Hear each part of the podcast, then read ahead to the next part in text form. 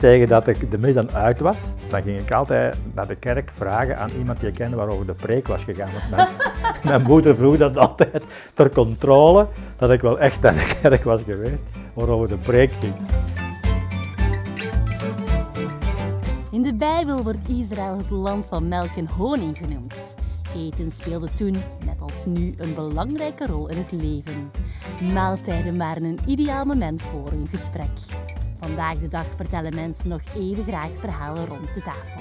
Ik koppel het nuttige aan het aangename en zoek praatgrage gasten op in hun keuken. Op het menu staan boeiende geloofsgesprekken terwijl we werken aan een hemels hapje.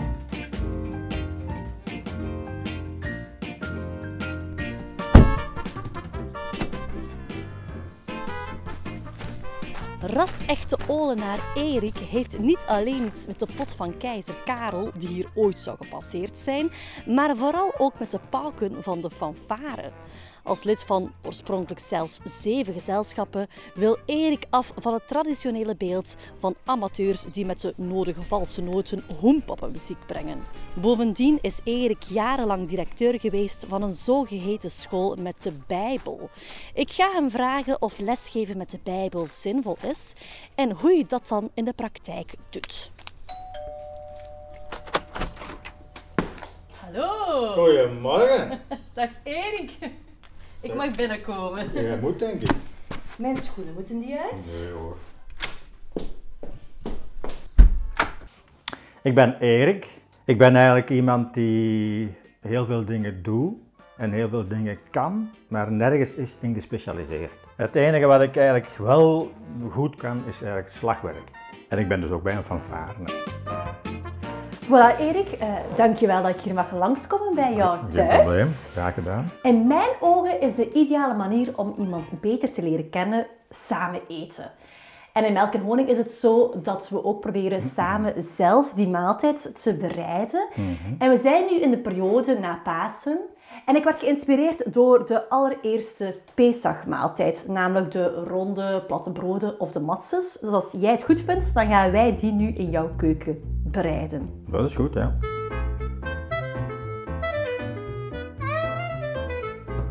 Het recept is heel eenvoudig. We nemen zo dadelijk 120 gram bloem. Dan doen we daar eh, 60 gram water bij. Dan mengen we dat tot een deeg.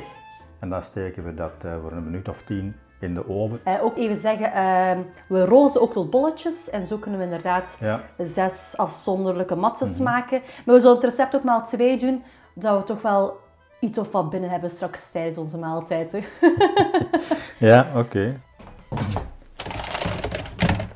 Voor wie het niet meer weet, dat allereerste Pesachfeest, eh, dat slaat op de uittocht van de Joden uit Egypte, het oude Egypte, dat beschreven staat in de Bijbel. Eh, en de Joden hadden toen zo weinig tijd eh, dat ze hun broden voor onderweg zonder gist moesten klaarmaken. Vandaar dat we dus die platte broden nu ook nog altijd volgens de traditie klaarmaken. Hè? Dus ik voel dat van mij met bloem aan tot 120 dan. Hè. Terwijl wij gewoon al bezig zijn, ga ik ook gewoon al een aantal vragen stellen. Hè? Ah, ja, Waarom niet? Een leuke opwarmer om te beginnen. Wat is jouw levensmotto? Mijn levensmotto. Gooi. Eh, voor iedereen een goede vriend zijn. eh, met iedereen overweg kunnen. Ja. Vind je het moeilijk als mensen eh, jou niet direct graag hebben? Vind je dat vervelend? Ik heb dat eigenlijk ook nog niet ervaren eigenlijk. mensen hebben je altijd direct graag. Ja, voilà. bij het eerste ja, en, en, en- en ik weet nog dat dat komt, maar dat is, dat is zo, ja, inderdaad. Een people person. Eh, ja, niet echt een people pleaser zou je ook kunnen zeggen. Ah nee, je moet water hebben. zeg. Ah nee, je moet bloem hebben. Hè. Ja, ja, bloem, klopt. Oh, ja, voilà. Ik zal de zak hier nog laten staan. Jij bent opgegroeid in Olen, in de Kempen. Hè? Hier in Sint-Jozef-Olen zelf, ja, ja. Wat voor een jeugd had je? Goh, ik had eigenlijk een, eh, een zorgeloze jeugd. Ik had eh, twee ouders die goed eh, met elkaar konden opschieten, die ook hard gewerkt hebben. We waren thuis met vier kinderen, waar ik de tweede van ben. Eh Olen heeft op zich al, eh, al wat historie, en met de boeren van Olen en met keizer Karel. Ik wou juist vragen, hebben jullie dat. Olenaars allemaal iets met keizer Karel ook? Tuurlijk, tuurlijk. Ja, met dat pot met drie oren. Hè. Dat, we hebben daar niks mee, maar dat is, dat is een legende. Hè.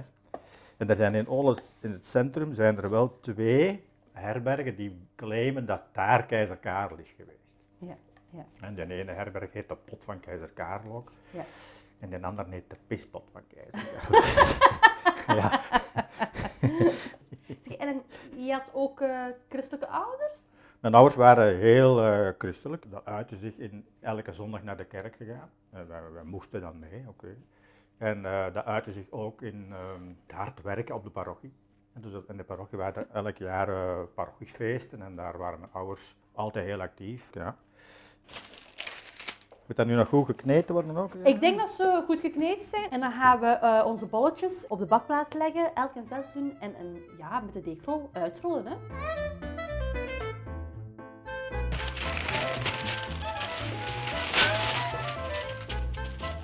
Dankjewel. Zo. Je had ook deegrolletjes? Die heb ik, ja. Ik zeg deegrolletjes omdat de deeg... Ja, maar het zijn zo kleine matjes dat de deegrollen die we gebruiken ook echt van, van een mini-formaat zijn. Iedereen heeft zo bepaalde anekdotes uit hun jeugd die hen zo helemaal typeren. En ik vroeg me af, heb je ook zo'n bepaalde herinnering van vroeger, waarvan als mensen die horen, dat ze zeggen van, dat is Erik echt ten voeten uit? Ik was wel iemand die toch wel serieus heeft gepubert. En ik weet nog goed dat mijn ouders hebben moeten gaan smeken op school of dat ik nog mag terugkomen, want ik mocht eigenlijk de school niet meer binnen. Rebelse puber. Ja, toch, toch, toch wel. Over het heden nu. ehm, Is dat nu zo plat genoeg? Ja. Iedereen benadrukt graag alle negativiteit die hen in het zogenaamde coronajaar 2020 is overkomen. Maar ik wil graag die vraag eens omdraaien en jou vragen naar het leukste, het meest positieve dat jou vorig jaar overkomen is. Mijn oudste zoon die heeft zelf vier kinderen en die hebben, eh, die hebben crisisopvang. Die zitten dus bij pleegzorg voor crisisopvang.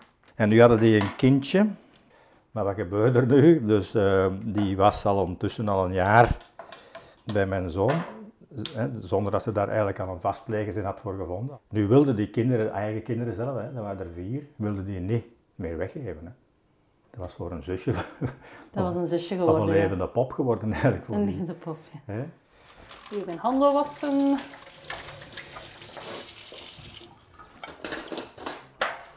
Zo. En dan kunnen ze daarna zo overen. Hè. We hebben geen tijd en ook geen geld. Ik heb de fanfare al besteld. Ze komen in een grote optocht hier naartoe. Ziezo. Een van jouw grote passies is een hele bijzondere, namelijk de fanfare. En als mensen fanfare horen, dan denken ze aan eh jolijt, stoeten, veel drank, hoempa hoempa muziek ook een beetje. Klopt dat ook voor jullie fanfaregezelschap? Eh, nee, vroeger misschien iets meer. Hè, want eh, wat, wat jij zegt is juist.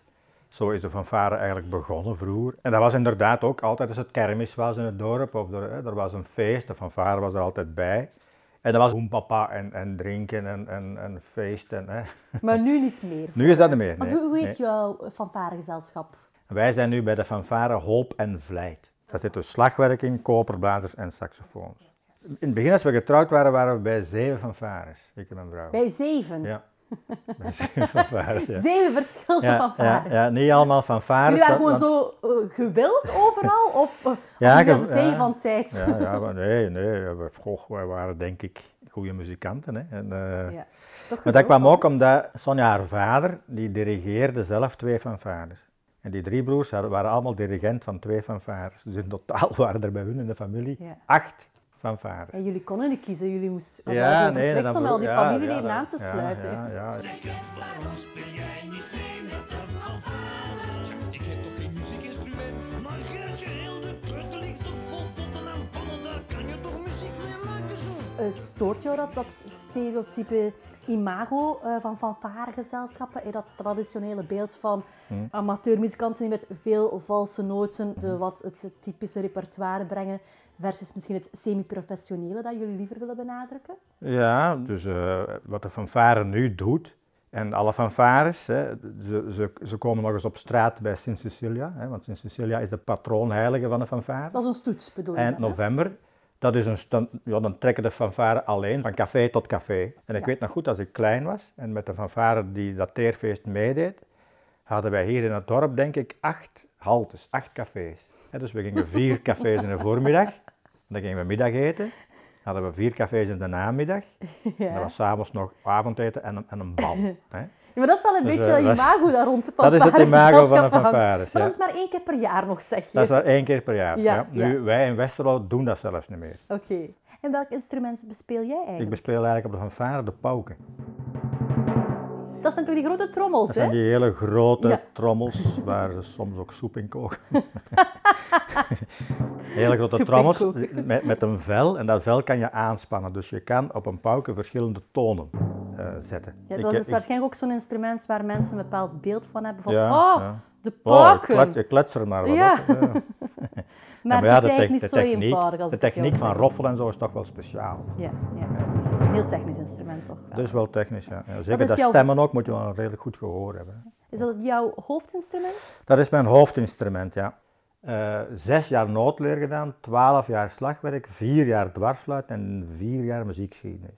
Hoe belangrijk is muziek voor jou? Is dat gewoon een hobby in het weekend of is dat Mhm. iets eh, wat een grotere plek in jouw leven inneemt? Ja, weet je, ik, ik was als slagwerker en mijn vrouw speelt horen. Dus ik zat op de laatste rij, mijn vrouw zat net voor mij. Dus ik zat meer naar dat meisje te kijken dan naar mijn muziek. en zo is dat dan... eh, Toen was je 14, 15 was ik jaar? 15 en zij was 14 toen. En eh, ik weet nog goed, als mijn schoonvader, die, was, die speelde dus ook bij die fanfare, dat is een heel muzikale familie, hè. Dus wat. Mijn schoonvader zei, ja, als jij bij ons in de familie moest, wil komen, dan zal je nog heel hard moeten repeteren. En manneke zei hem tegen mij. En, ja, dat heb ik dus gedaan. Hè. Ik las ergens dat fanfares, hè, eh, harmoniegezelschappen, een typisch verschijnsel zijn voor België, Nederland, Mhm. Noord-Frankrijk. Eh, en dateren uit de laat 18e eeuw, toen er na het ontbinden van de oude gilden een soort sociaal-cultureel vacuüm ontstond voor nieuwe verenigingen, eh, zoals de fanfares dan. Maar misschien kan jij nog iets meer over die geschiedenis vertellen. Ik denk dan terug aan de, aan de films van de Witte van Zich. Ja, dat van is, ja. Dat is begin 20e eeuw, speelt zich dat af, denk ik. Dus en dan zie je op die film hè, dat er inderdaad ook al een fanfare op de been was. Hè, maar dat waren allemaal mensen die, hadden eigenlijk, die moesten geen muziekacademie volgen. Die kregen zo'n beetje solfège, noemen ze dat dan, en een notenleer van de, van de dirigent zelf. En die kwamen dus ook samen in een café om te repeteren. En daar is eigenlijk wel dat, dat ontstaan van dat feesten en, en drinken. En, eh, maar dat was nog belangen niet zo afgewerkt of professioneel zoals nu.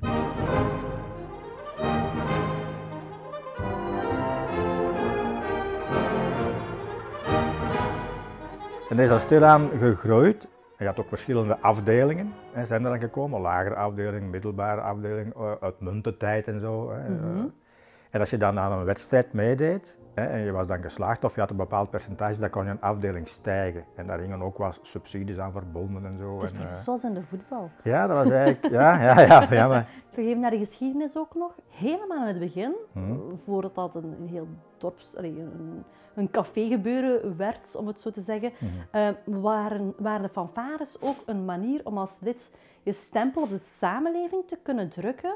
Eh, om zelfs aanzien te verwerven, want ik begreep dat het in het begin ook enkel voor de iets wat rijkere was weggelegd, die zelf een instrument konden permitteren. Mhm. Ehm, maar vertel eens over de dag van vandaag. Wat is de impact nu van fanfares op de samenleving? Of voor de samenleving? wat nog een voordeel is van de fanfares, dat is dat je daar met alle leeftijden kunt samen zijn. Ik denk dat de jongste muzikant bij ons, ik denk, eh, 10 of 11 is. En de oudste is 80 bijna. En dan is daar zo'n allegaatje tussen. Ja, maar het brengt dus echt wel heel jong en heel oud Ja, alles ja, samen. bent heel jong en heel oud samen. En, dat, en dat, dat gaat heel goed. Ja, en dat is heel leuk ook.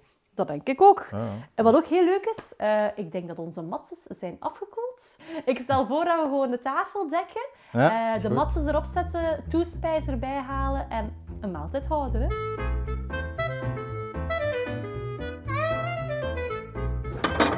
Maar ik zal mijn, mijn beste servies behouden, Anneke. Ja. Ah, ik heb hier drie borden gevonden, maar als je een mooier servies hebt...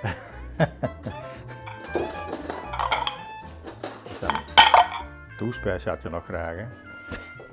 Ga anders wel heel droog, want het is uiteindelijk gewoon brood. Hè. Maar Het dat mag, brood, dat mag gewoon zijn waar jullie normaal op jullie boterham smeren. Hè. Ik vind dat ze goed gelukt zijn. Allee, ik heb nog niet geproefd, hè. Maar, maar ze zien er alvast appetijtelijk uit. Zo, we zitten nu aan tafel. Onze matjes liggen op een schaal. Ik vermoed dat jij ook bidt voor jij Dat eet doe als ik, ja. christen. Ja. Heer Vader, God, dank je wel, Heer, dat we hier zo mogen samen zijn, Heer, dat we ook op deze manier u kunnen dienen. Ik wil danken, Heer, dat eh, de matses goed zijn gelukt, Heer God, en wil bidden dat u het wil zegenen, Heer, dat datgene wat we opeten, Heer, dat, dat, dat het ons mag eh, sterken, Heer. In Jezus' naam. Amen. Dus Jezus heeft van deze koeken gegeten. Kijk, Erik, terwijl we aan het eten zijn, Ja, wil ik iets anders aanhalen ja. dat ik zeker niet wil vergeten. Namelijk jouw werk.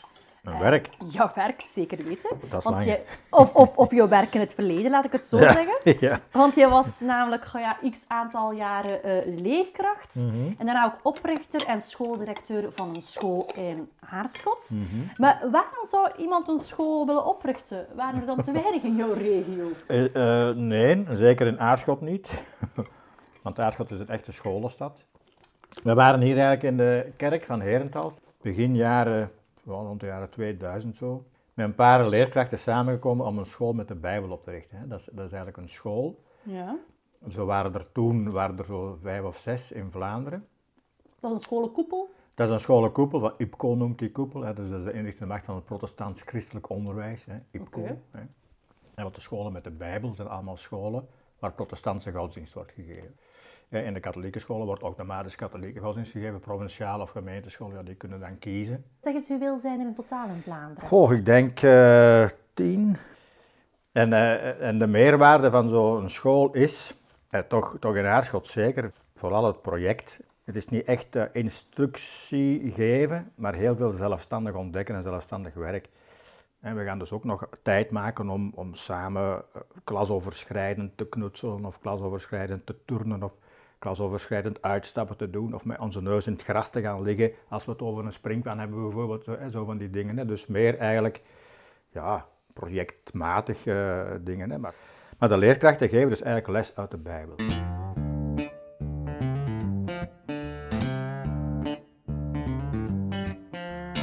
Hoe, uitzicht dat dan in de praktijk, die, christelijke pijler? Hè? Eh, De godsdienstles of zelfs de les Nederlands, daar kan ik mij zeker iets bij voorstellen. Eh, maar je kan dat christelijke aspect toch niet doortrekken naar een les wiskunde of een les turnen? Of hoeft dat misschien ook niet? Nee, maar les turnen tot, tot, daar hangen toe, dat kan je wel in een, in een projectje steken of zo, maar wiskunde, ja, dat is- je kunt geen wiskunde geven volgens de Bijbel. Hè. Maar ja, dan zit je ook weer in de klas.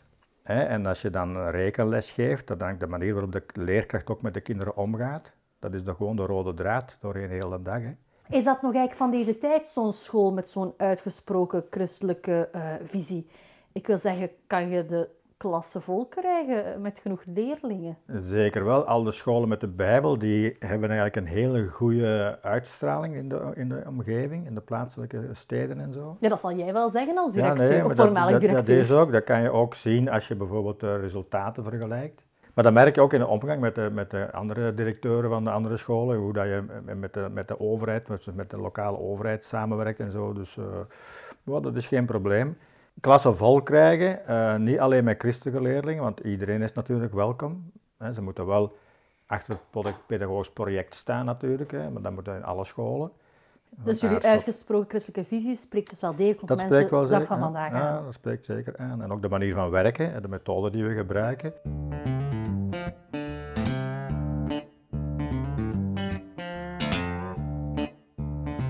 Kinderen zijn gevoelig voor wat grote mensen en zeker leerkrachten tegen hen vertellen.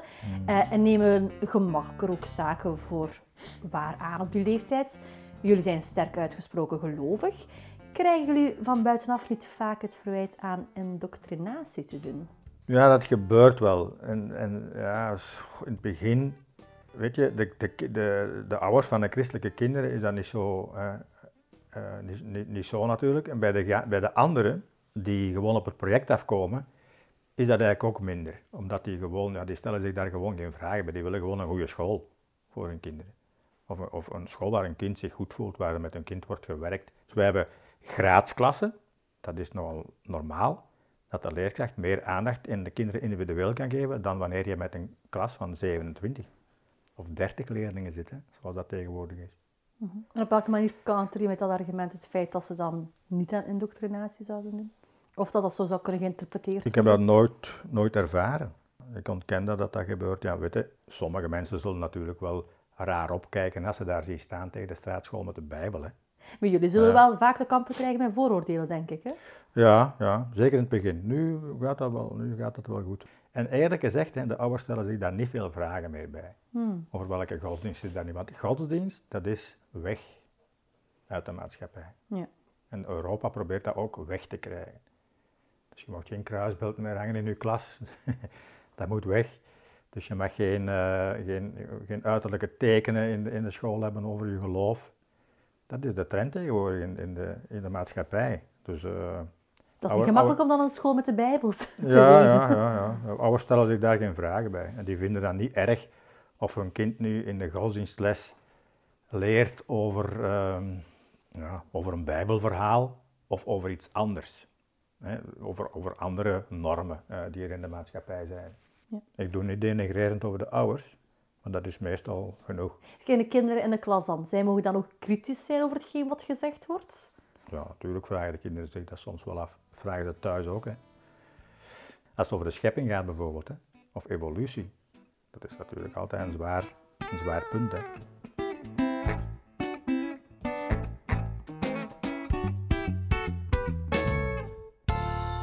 Nou ja, zal ik nog wel water opzetten dan voor thee? Ga ik wel een beetje thee drinken?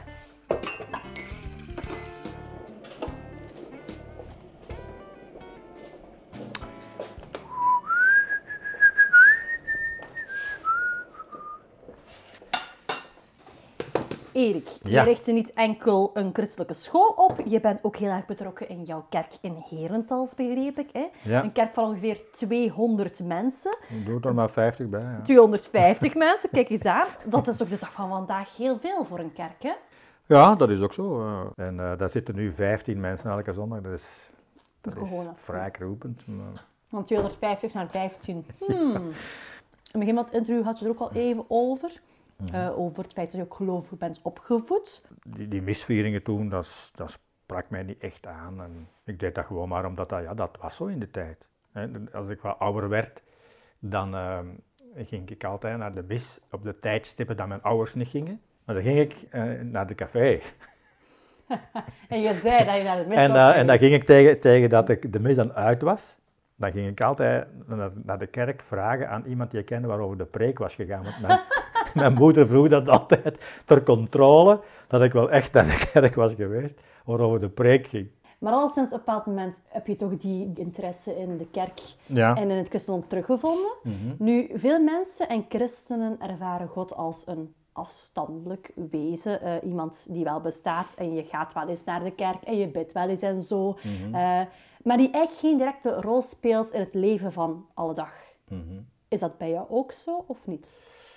Eh, speelt een heel grote rol in mijn leven van alle dag. Van s morgens al. Hè. Dus ik begin s morgens te lezen in de Bijbel. Ik bid ook. Eh, meestal op, tijdens een wandeling die ik dan doe. En zo, zo ja, gaat door heel mijn leven, door heel mijn dag, is, is God daar gewoon bij. Als je God zou omschrijven, wie is hij dan? Goh, jaren zeg. Moeilijke vraag. Ja, God, ik zou eerder Jezus zeggen. Omschrijf Jezus dan. Ja, ja, Jezus is voor mij iemand die, dus een voorbeeld. Eh, ik probeer hem ook als een vriend te zien. Ja, het is iemand die mij elke dag inspireert. En ook door in de Bijbel te lezen, God beter leert kennen. En dat is eigenlijk door Jezus dat je God beter leert kennen. Je hebt de Heilige Geest, je hebt Jezus en je hebt God. Het is een drie-eenheid. De Heilige Geest die inspireert je. Jezus is eigenlijk het voorbeeld die op de wereld is gekomen om te zeggen hoe je moet leven eigenlijk om, om het eeuwige leven te hebben. En wat we nu bij Pasen eigenlijk vieren. Eh, ik wil overgaan naar twee stellingen over gelovigen die jij mag bevestigen of ontkrachten. Hmm. Stelling 1. Christenen, dat zijn goede mensen die nooit iets verkeerds doen. Niet waar. Ja, weet je, je blijft een mens. En je bent niet volmaakt natuurlijk. Er is er maar ook maar één mens geweest die volmaakt was, dat was Jezus zelf. Ja, je leert daar wel in bij. Je, je, dit is een proces, hè, maar volmaakt zal je nooit worden. Dus die, die, die kleine karaktertrekjes die, die worden bijgeschaafd. Ja, en ik vond je er stel bent- dat er ook wel mensen zijn die zeggen dat ze christen zijn, maar helemaal geen christelijke zaken doen. Ja, dat, In, in het verborgene. Hè? Ja, wel, ja, voilà. Dus volmaakt zijn we niet. En ook mensen die nooit iets fout doen, ook niet. Dus niet waar. Tweede stelling. Gelovigen denken niet echt na over de wereld. Ze verkiezen een mooi verhaal boven de waarheid. Mirakels boven de wetenschap. Kijk, mirakels, als je gelooft in de almacht van God, dan kan dat gewoon. En dat spreekt misschien op het eerste gezicht wel de wetenschap tegen. Nu, als je wijn in water verandert, ja, wetenschappelijk gezien kan dat niet. Maar eh, als je gelooft in de almacht van God, kan dat. Ja, en misschien ook, eh, ik denk dat het niet onwaarschijnlijk is dat geloof en wetenschap, of toch zeker een deel daarvan, althans perfect kan samengaan. Eh, kijk naar wetenschappers als een Isaac Newton of een Blaise Pascal. Ja, wel ja, ja, ja, er zijn er nog. Hè. Voordat ik naar het volgende deel overga, eventjes nog een matse besmeren. Ik ga het speciaal doen. Een laagje confituur, een laagje suiker. In een van die confituren zit geen suiker. Ah, Denk in deze. oh, ik wou gewoon echt eens overdreven zoetje. Ja, Maar- doe maar. Mijn laatste thema, Erik. Je hebt ook last van een ernstige oogaandoening. Ehm, gaan zo'n basiszaken als, als koken, de tafel zetten, eten, en wat we nu allemaal aan het doen zijn, gaan die dan ook veel moeilijker? Ik heb eigenlijk geluk dat mijn... Ik heb een netvliesaandoening.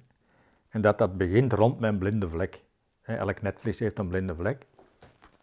En dat zit in het midden van je netvlies. En daar wordt ook je scherpste beeld gevormd. Dat is misschien wat tegenslag, maar mijn geluk is dat ik nog een ruim gezichtsveld heb. Oké. En bij mensen die dezelfde aandoening hebben, maar daar gaat het vaak eh, tegenovergestelde, die, daar begint die storing, zal ik zeggen, aan de, van de buiten naar de binnenkant. En die hebben dus een tunnelvisie. Die kunnen nog wel een boek lezen in de trein bijvoorbeeld, maar die lopen toch met een witte blindenstok. Snap je? Omdat die overal tegenlopen anders. Hè? Dat die hebben zo'n tunnelzicht, eh, een tunnelvisie. Hè? Ja. Dus wat bij mij heb ik, eh, heb ik nog een breed zicht, waardoor ik nog kan fietsen of, of nog heel voorzichtig met een auto kan rijden op, op, op bekend terrein, best, en ook niet te ver. Ehm, maar het nadeel bij mij is dat ik dus niet kan lezen hè, zonder hulpmiddelen. En, en bijvoorbeeld, ik die voor jou zit, kan jij mij goed zien? Of is dat enkel het silhouet? Of, of... Als ik echt naar jou kijk, zoals nu, zie ik jou niet zitten. Oké. Ik zit er nu op twee meter afstand, maar ik zie je niet. Ik zie wel eh, jouw gezicht, maar ook niet heel scherp als ik naast jou kijk. En dat is heel eenvoudig te verklaren. Als ik Ah, nu ja. naast jou kijk, dan wordt jouw beeld gevormd aan de kant van mijn netvlies. En daar heb ik nog wel beeld. Maar hoe verder je naar de kant van je netvlies gaat, hoe onscherper je beeld wordt. Ja. en is Dus, dat eh, iets confronterends voor jou? Ik bedoel, ik ben er nu maar, maar, maar, maar voor jouw vrouw of zo? Voor dat je, hoe dat jij haar kan zien of niet meer zien? Nu, maar daar kan ik heel dicht gaan bijhangen. Hè. En, eh, ja, ja, soms is dat wel vervelend. Ja. Weet je wat het vervelend is? Als ik ga wandelen en aan de overkant van de straat roept er iemand. Ik zie niet wie dat is. Hè. Ik zie die wel staan. Hè. Maar ik zie dus niet. Ik zie dus jouw gezicht als een silhouet. Ja. Zelfs dat nog niet. Ja. Dus je hebt geen hoofd als ik zo naar jou kijk. Jij hoort hier gewoon klanken van Dat is- vandaan komen. Ja. Ja, dat is wel raar, hè? Is dat iets dat meer achteruit gaat? Zal op een bepaald moment jouw zicht helemaal Ja, verdwijnt? ja, d- helemaal verdwijnt volgens de, de dokters in Leuven en in, in Edegem zou het dan nooit zijn. Dus ik zal dus nooit blind worden. Als ik 200 jaar zou worden, waarschijnlijk wel, omdat het een degeneratie is van Ah, Ja. het netvlies. Hè. Dus dat gaat altijd eh stilaan achteruit. Als ik jou zo observeer, dan heb ik eigenlijk niet het idee dat dat iets is dat heel overheersend is. Is dat omdat je daar gewoon heel cool mee omgaat?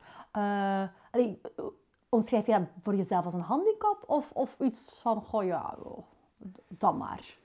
Goh, het is een handicap natuurlijk. Hè. Maar eh, dat is ook al 30 jaar bezig en dat gaat geleidelijk achteruit. Hè. Dus dat blijft niet stabiel. Het gaat heel traag. Eh, maar je leert daar ook mee leven. Hè.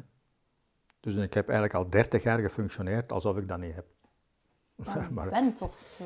alsjeblieft. Dat went. Dat went, als, dat nu, als, je dat nu, als je nu mijn zicht moest krijgen van vandaag of gisteren een nog perfect zicht en vandaag dit, ja, dat, dat is niet. Dat is denk ik heel, heel erg. En ook, ook mijn geloof heeft me erin geholpen. Hè. Je kan het heel relativeren. Ja, want Dat ik zou net willen heel- zeggen van Erik, jij bent gelovig, neem je dat God dan net niet kwalijk? Ja, nee, ik, ik berust daar gewoon in. Ja, ik denk dat dat, ja, dat, dat bij mij hoort dan. Hè. En het is, het is, het is een, een, een heel duizend stuk. Het heeft met, met het chromosomengedoe te maken en zo. Mijn broers hebben het niet, dus ze hadden het even goed kunnen hebben.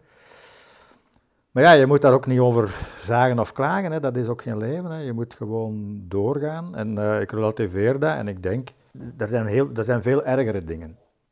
Maar ik kan nog heel veel doen. Hè. Ja. Ik heb eh, het geloof. Wat, wat moet ik nog hebben? Eh, Ten slotte, mijn vraag waar ik elke melk en honing aflevering mee eindig. In het Oude Testament staat er dat koning Salomo God ontmoette in een droom en hij hem om één wens mocht vragen die hij in vervulling zou laten gaan. Stel dat jij God vanavond ook in een droom zou ontmoeten. Wat is jouw allergrootste verlangen dat je graag zou zien ingewilligd worden? Jouw hartenwens eigenlijk. Dat eh, al diegenen die mij lief zijn, dat gezond mogen blijven. En ik zelf ook. En dat, dat al diegenen, ja, ook Jezus mogen leren kennen. Je zegt gezond mogen blijven, maar we hebben net heel dat verhaal gehad van... Ja, maar, Ja, ja, maar bedoel je dat we gezond blijven? Want je hebt jouw aandoening, dus ja. ja, wel, ik wens het niemand toe natuurlijk. Ehm, Nee, omdat ik, het, ik vind het frappant, net wat je ervoor hebt gezegd, ja, dat je eigenlijk dankbaar bent voor alles wat je wel nog allemaal kan, ondanks het feit Ja, niet, ja. jouw gezondheid net niet perfect is. Ik zie gezondheid meer als uw hart dat goed marcheert, al hetgeen dat nog dat, dat goed werkt. Ik heb een handicap, maar ik ben niet ziek. Hè. Ik ben niet zo mobiel, oké, maar ik mag wel gratis met de trein rijden samen met een begeleider. dus ja, wat, dat zal de optimist in mij zijn. Ik zal het hier gewoon bij laten, Erik. Dankjewel voor het gesprek en de maaltijd. Eh, en voor de luisteraars, deze en eerdere afleveringen kunnen altijd teruggevonden worden op twr.be. Bij deze aan jou, Erik, en aan onze luisteraars, geniet nog van jullie dag. Dankjewel. Alsjeblieft. Zullen we doen.